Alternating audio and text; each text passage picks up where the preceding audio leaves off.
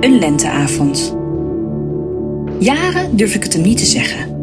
Maar op een nacht, als we samen halfdronken in de sneeuw van de kroeg naar huis wandelen, vertel ik het hem dan toch. Mijn fantasie is dat ik je in je kont wil neuken, zeg ik, met een dubbele dildo. Ik weet niet of het de drank is of dat het verlangen gewoon niet meer te stoppen is, of misschien een combinatie. We zijn er in ieder geval beide even stil van. Zeggen is één ding, doen een volgende. Talloze keren als we vrijen vraag ik me af: is dit dan het moment?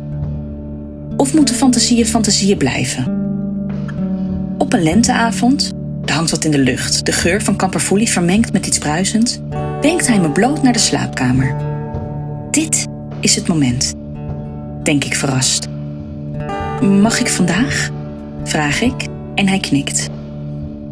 In bed lik ik zijn hele naar wasmiddel geurende lijf, tot mijn vagina druipt van het vocht. Ik breng de fluorroze pik die we samen hebben aangeschaft eerst bij mij naar binnen, versoepel dan met mijn vingers zijn anus, wat telkens meer tederheid vereist dan verwacht.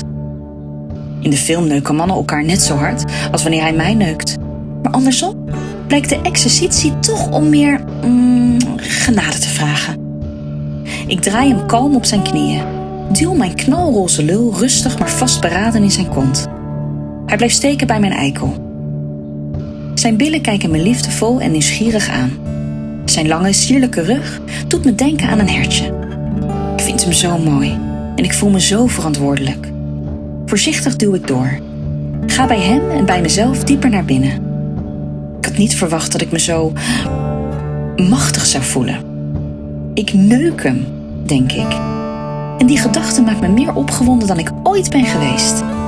Aan het ritme merk ik dan ook dat hij vervoerd raakt.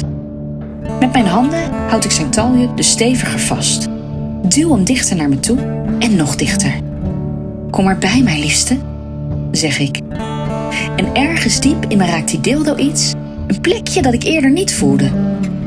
Een waanzinnig gevoel trekt trillend vanuit mijn vagina naar mijn buik, borst en benen. Een waas verschijnt voor mijn ogen. Uitgeput laat ik me op zijn rug vallen. Liefs, Bobby. Vond je deze podcast interessant? In de 3FM-app vind je er nog veel meer. Zoals deze.